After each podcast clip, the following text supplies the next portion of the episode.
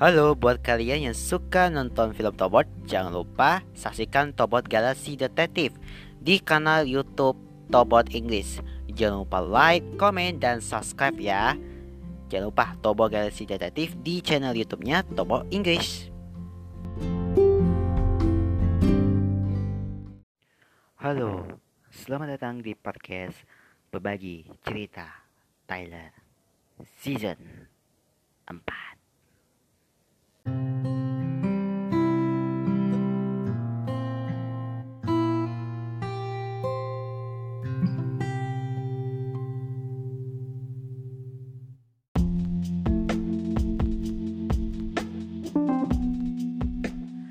Assalamualaikum warahmatullahi wabarakatuh.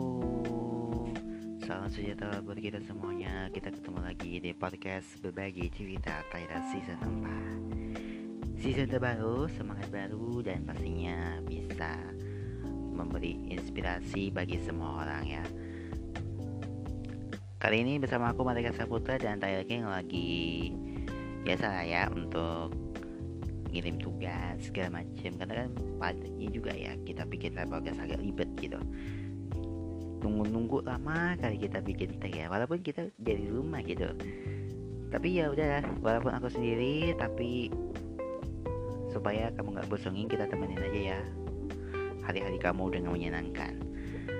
Gua akan mengalami cerita dari nol sih. Jadi pengalaman emang paling berat di waktu puasa penang walaupun makan sahur. Jadi pengalaman sahur itu memang agak berat. Sahur sambil tidur. Aduh ini memang waktu kelas 3 ya waktu kecil. Tapi waktu kelas 4 agak biasa dikit kan karena nantuk banget sahur. Ya banyak sekali ya untuk kita mengulas cerita-cerita aku. Tapi nggak bakalan bosan ya dengerin aja terus sampai kita tercengang. Let's go. Oke aku akan memulai cerita ini tentang pengalaman berpuasa. Walaupun kita walaupun kita bukan puasa di bulan Ramadan tapi di bulan Ramadan tahun depan ya. Jadi kita akan membahas pengalaman puasa makan sahur sambil tidur. Ya memang senang ya rasanya bertemu dengan bulan Ramadan karena berdasarkan pengalaman tahun lalu mamaku masak yang enak-enak untuk menu sahur dan buka. Walaupun aku bosan karena mama ayah teteh dan semuanya itu menyanyikan apakah aku sudah siap puasa?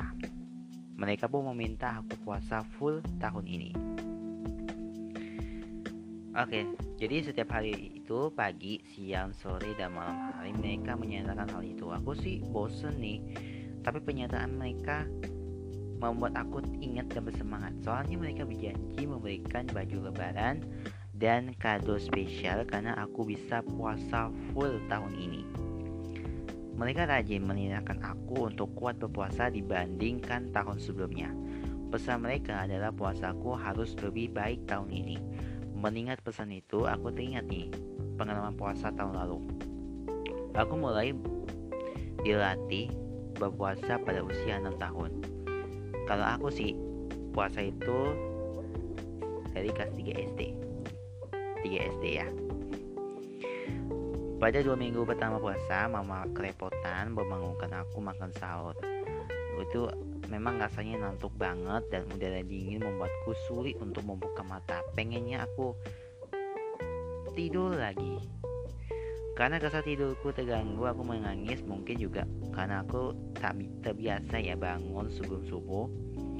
Jadi ayah ayahnya itu menggenggongku dari kamar menuju meja makan agar ikutan makan sahur bersama keluarga. Beberapa kali bahkan aku makan sahur dengan mata tertutup mata mamaku sabar ya menyuapiku dengan makan sahur yang enak-enak. Aku pun tidur sambil mengunyah makanan. Hebat kan? Uh, aku makan sampai kenyang agar kuat menahan lapar sampai beduk hati. Yang menyenangkan itu adalah ketika sore hari. Mama sama teteh itu sibuk nih di dapur menyiapkan makanan membuka puasa. Ada es buah, sirup, kurma, ayam goreng, sayur lodi, dan agar-agar. masakan mamaku memang di saat Ramadan itu memang sangat spesial. Selalu spesial.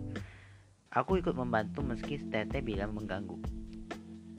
Aku mencoba memasukkan potongan buah ke dalam teko untuk diramu jadi sop buah.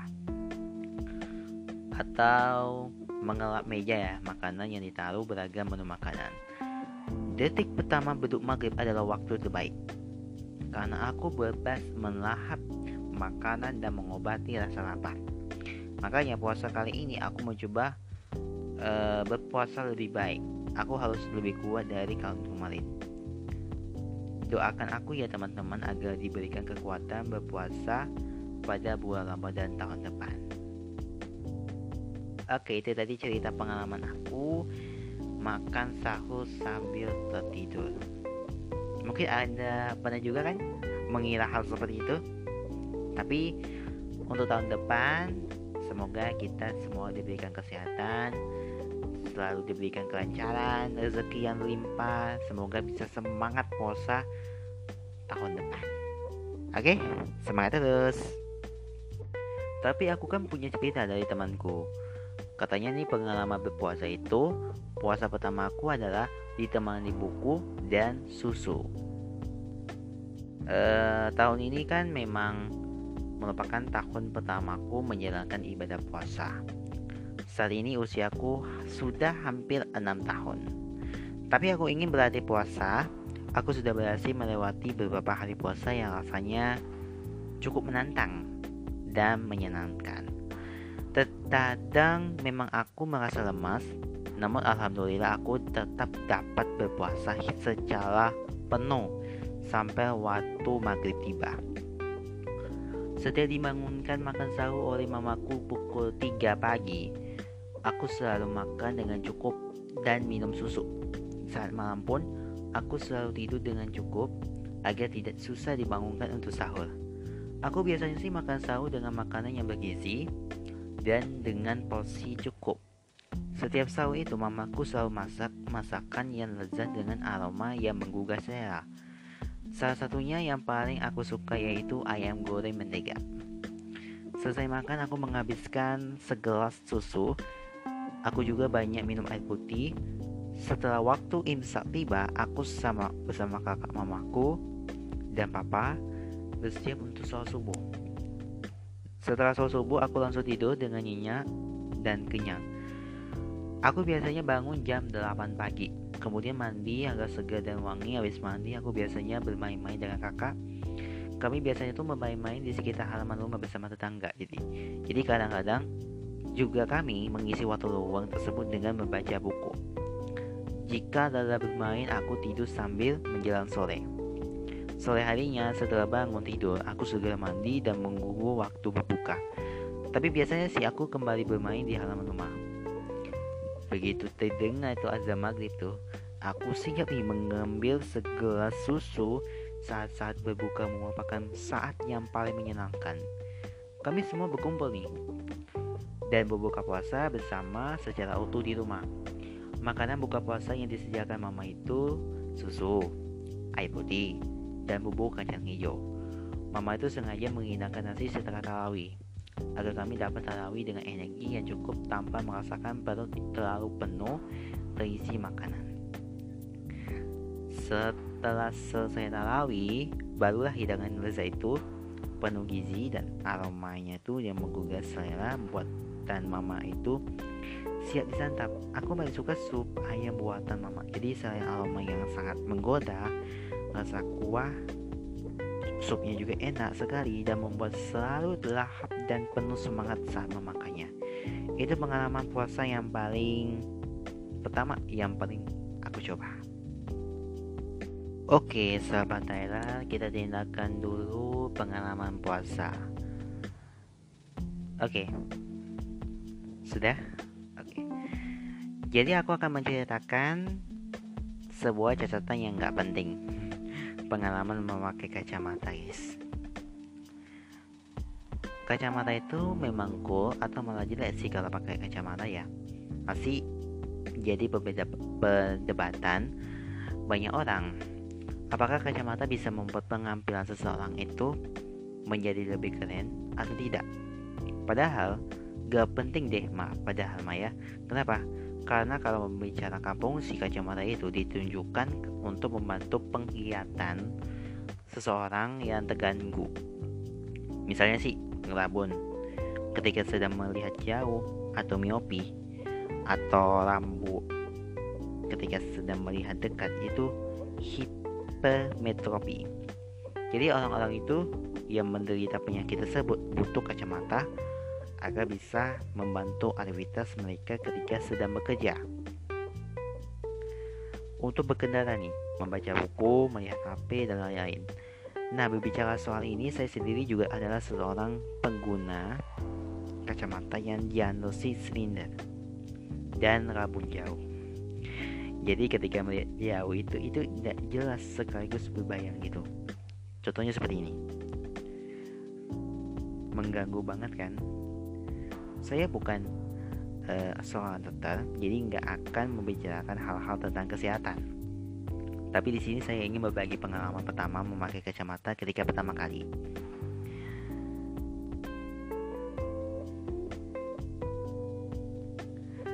Jadi pengalaman itu kebiasaan yang membuat saya pakai kacamata. Penyebab saya memakai kacamata sama seperti teman-teman generasi milenial lainnya, yap karena HP atau gadget. Saya seorang gadget holonet yang sedang bermain memakai HP dan laptop, entah untuk main game, sosial media dan lain-lain. Kebiasaan buruk itu tersebut membuat mata aku perlahan-lahan rusak gitu. Mata itu terasa berbayang gitu. Jadi awal saya merasa mata berbayang itu waktu sedang di toko buku.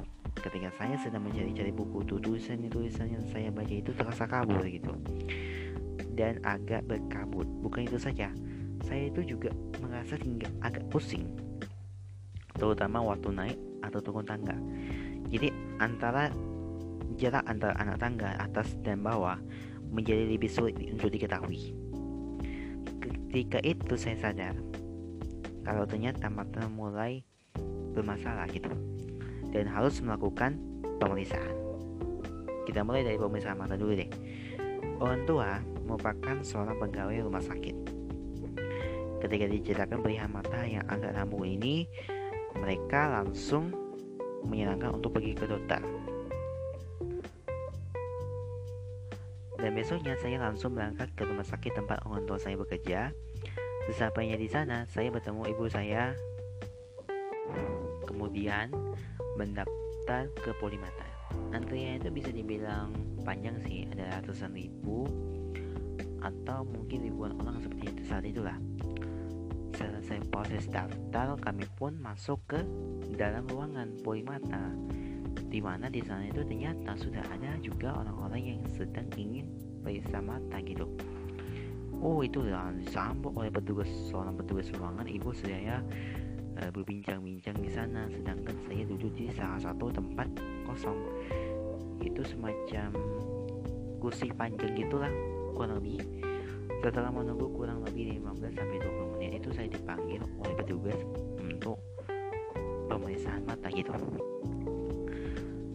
Waktu kalian waktu proses pemeriksaan yang saya lalui pertama saya disuruh duduk kemudian dipakaikan semacam kacamata khusus berbentuk seperti lensa-lensa gitu yang bisa ditambahkan sesuai kebutuhan. Uh, agak susah dijelasinnya mungkin seperti kacamata Harry Potter bentuknya ya seperti ini kalau kalian peng kalau kalian pernah lihat kacamatanya Harry Potter Uniknya ini, ketika dipakai ke kacamata tersebut, saya merasa mata menjadi lebih baik. Dalam artian itu lebih jelas ketika melihat. Penglihatan yang sebelumnya terasa buram itu terasa lebih nyaman. Tidak sampai di situ, petugas pemeriksa mata terus menambahkan lensa-lensa baru sampai menyatakan kepada saya apakah menjadi lebih jelas atau tidak. Nah, di waktu yang sama, ia juga menyuruh saya juga membaca sebuah poster seperti ini. Kalau kalian pernah lihat, kalau kalian pergi ke Polimata, itu kalian lagi periksa mata, terus ada gambar yang namanya contoh huruf untuk periksa mata. Apakah jelas atau merasa kalian pulang atau kabur gitu. Pemeriksaan ini berjalan berkurang lebih dari 5 sampai 8 menitan lah. Terasa sedikit lama padahal sebaliknya gitu. Sel selesai proses pertama ternyata masih berlanjut lagi. Saya disuruh itu pindah ke ruangan lain yang letaknya tidak jauh dari ruangan sebelumnya. Di sana terdapat alat-alat yang saya sendiri asing gitu dan terdapat juga tempat tidur yang mungkin dipakai untuk pasien-pasien dengan penyakit mata lebih lanjut. Nah, saya duduk di depan sebuah alat yang bentuk yang mirip seperti teropong.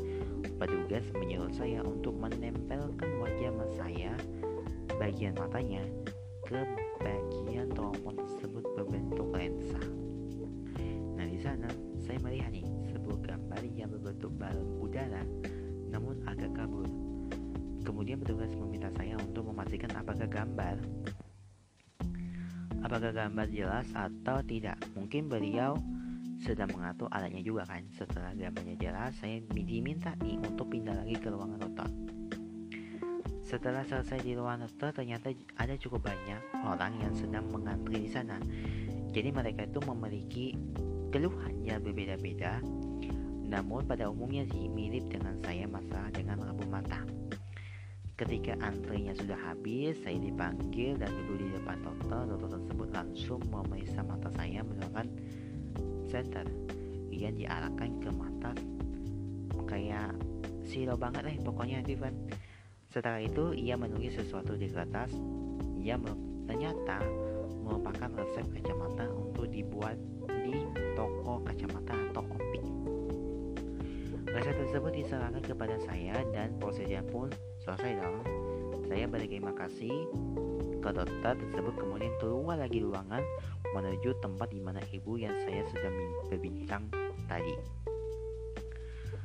Toko kacamata itu nama lainnya biasanya disebut Opik. Sehari setelah melakukan pemeriksaan saya pergi ke sana bersama ayah saya. Sebelumnya itu agak bingung juga nih karena lumayan banyak toko kacamata di kota Cirebon namun dipertimbangkan model-model yang bisa dipilih agar bisa semakin gaya. Kami pun memutuskan untuk memilih toko kacamata yang terletak di pusat kota Cirebon. Namanya itu toko Orbit Optik. Namanya toko Orbit Optik. Jadi sesuai dengan ekspektasi ini ada banyak pilihan nih kacamata di mulai dari yang kecil sampai yang yang besar. Mulai ada dari harga ratusan ribu hingga jutaan rupiah. Saya pun sempat bingung sih memilih jadi saya mencoba satu-satu deh kacamata yang direkomendasikan karyawan di sana. Akhirnya perhatian saya teruju ke salah satu kacamata plastik dengan warna hitam dan krem. Gayanya kekinian dan cocok sekali untuk anak-anak muda Event Shorties aspired based on where I was trying. Karyawan mengambil kacamata tersebut dan bilang bahwa pembuatan lensa sesuai dengan resep total. Itu membutuhkan waktu 2-3 hari lah. Apalagi mengingat pada resep tersebut mata saya itu juga terlihat silindernya gitu. Saya bersama ayah menyetujuinya dan setelah membayar kami pun pulang.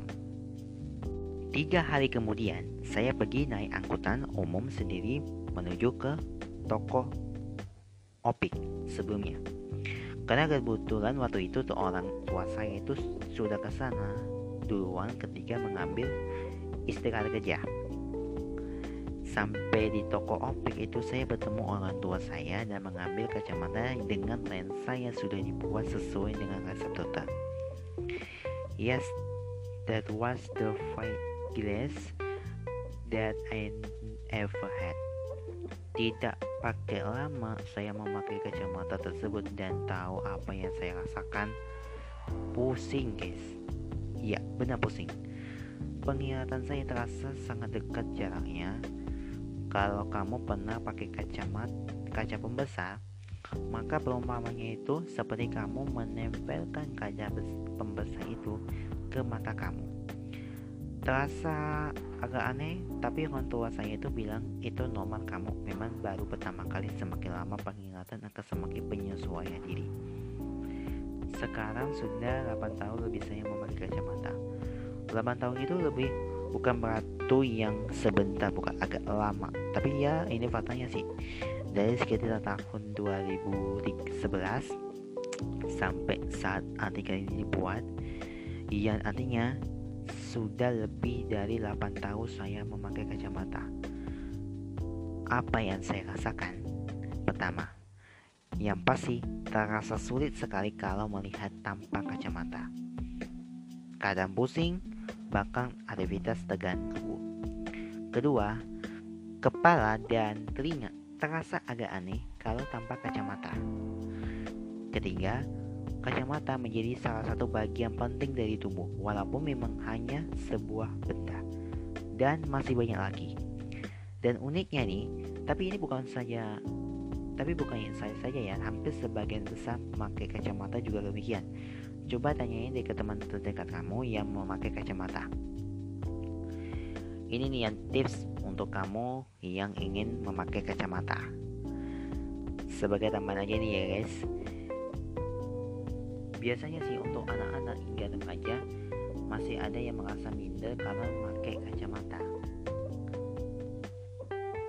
Mereka khawatir jika pengambilan mereka itu berubah jelek di mata teman-temannya. Padahal kan nggak demikian. Sekarang ada ratusan bahkan ribuan jenis model kacamata yang bisa kamu pilih sesuka hati yang justru akan membuat kamu menjadi terlihat keren. Coba cari yang kira-kira cocok dengan kamu, mulai dari besar lensa, warna hingga jenis frame kacamatanya. Memakai kacamata itu penting gak sih? Jadi hanya memikirkan pengambilan itu sangat besar. Karena kalau kamu merasa penglihatan sudah agak nggak nyaman, dan memaksakan diri tidak memakai kacamata, dikhawatirkan penyakit kamu akan bertambah parah.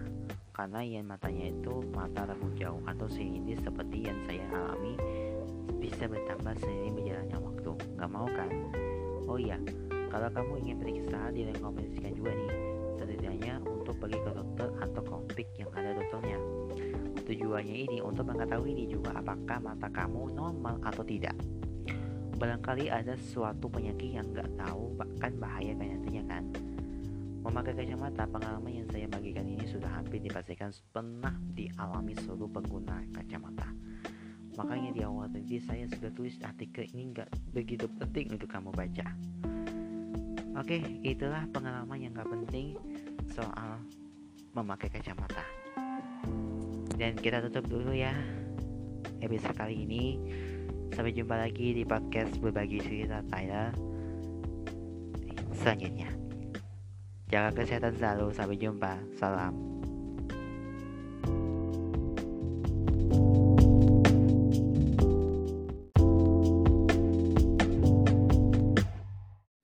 Berbagi cerita Tyler hanya di Spotify.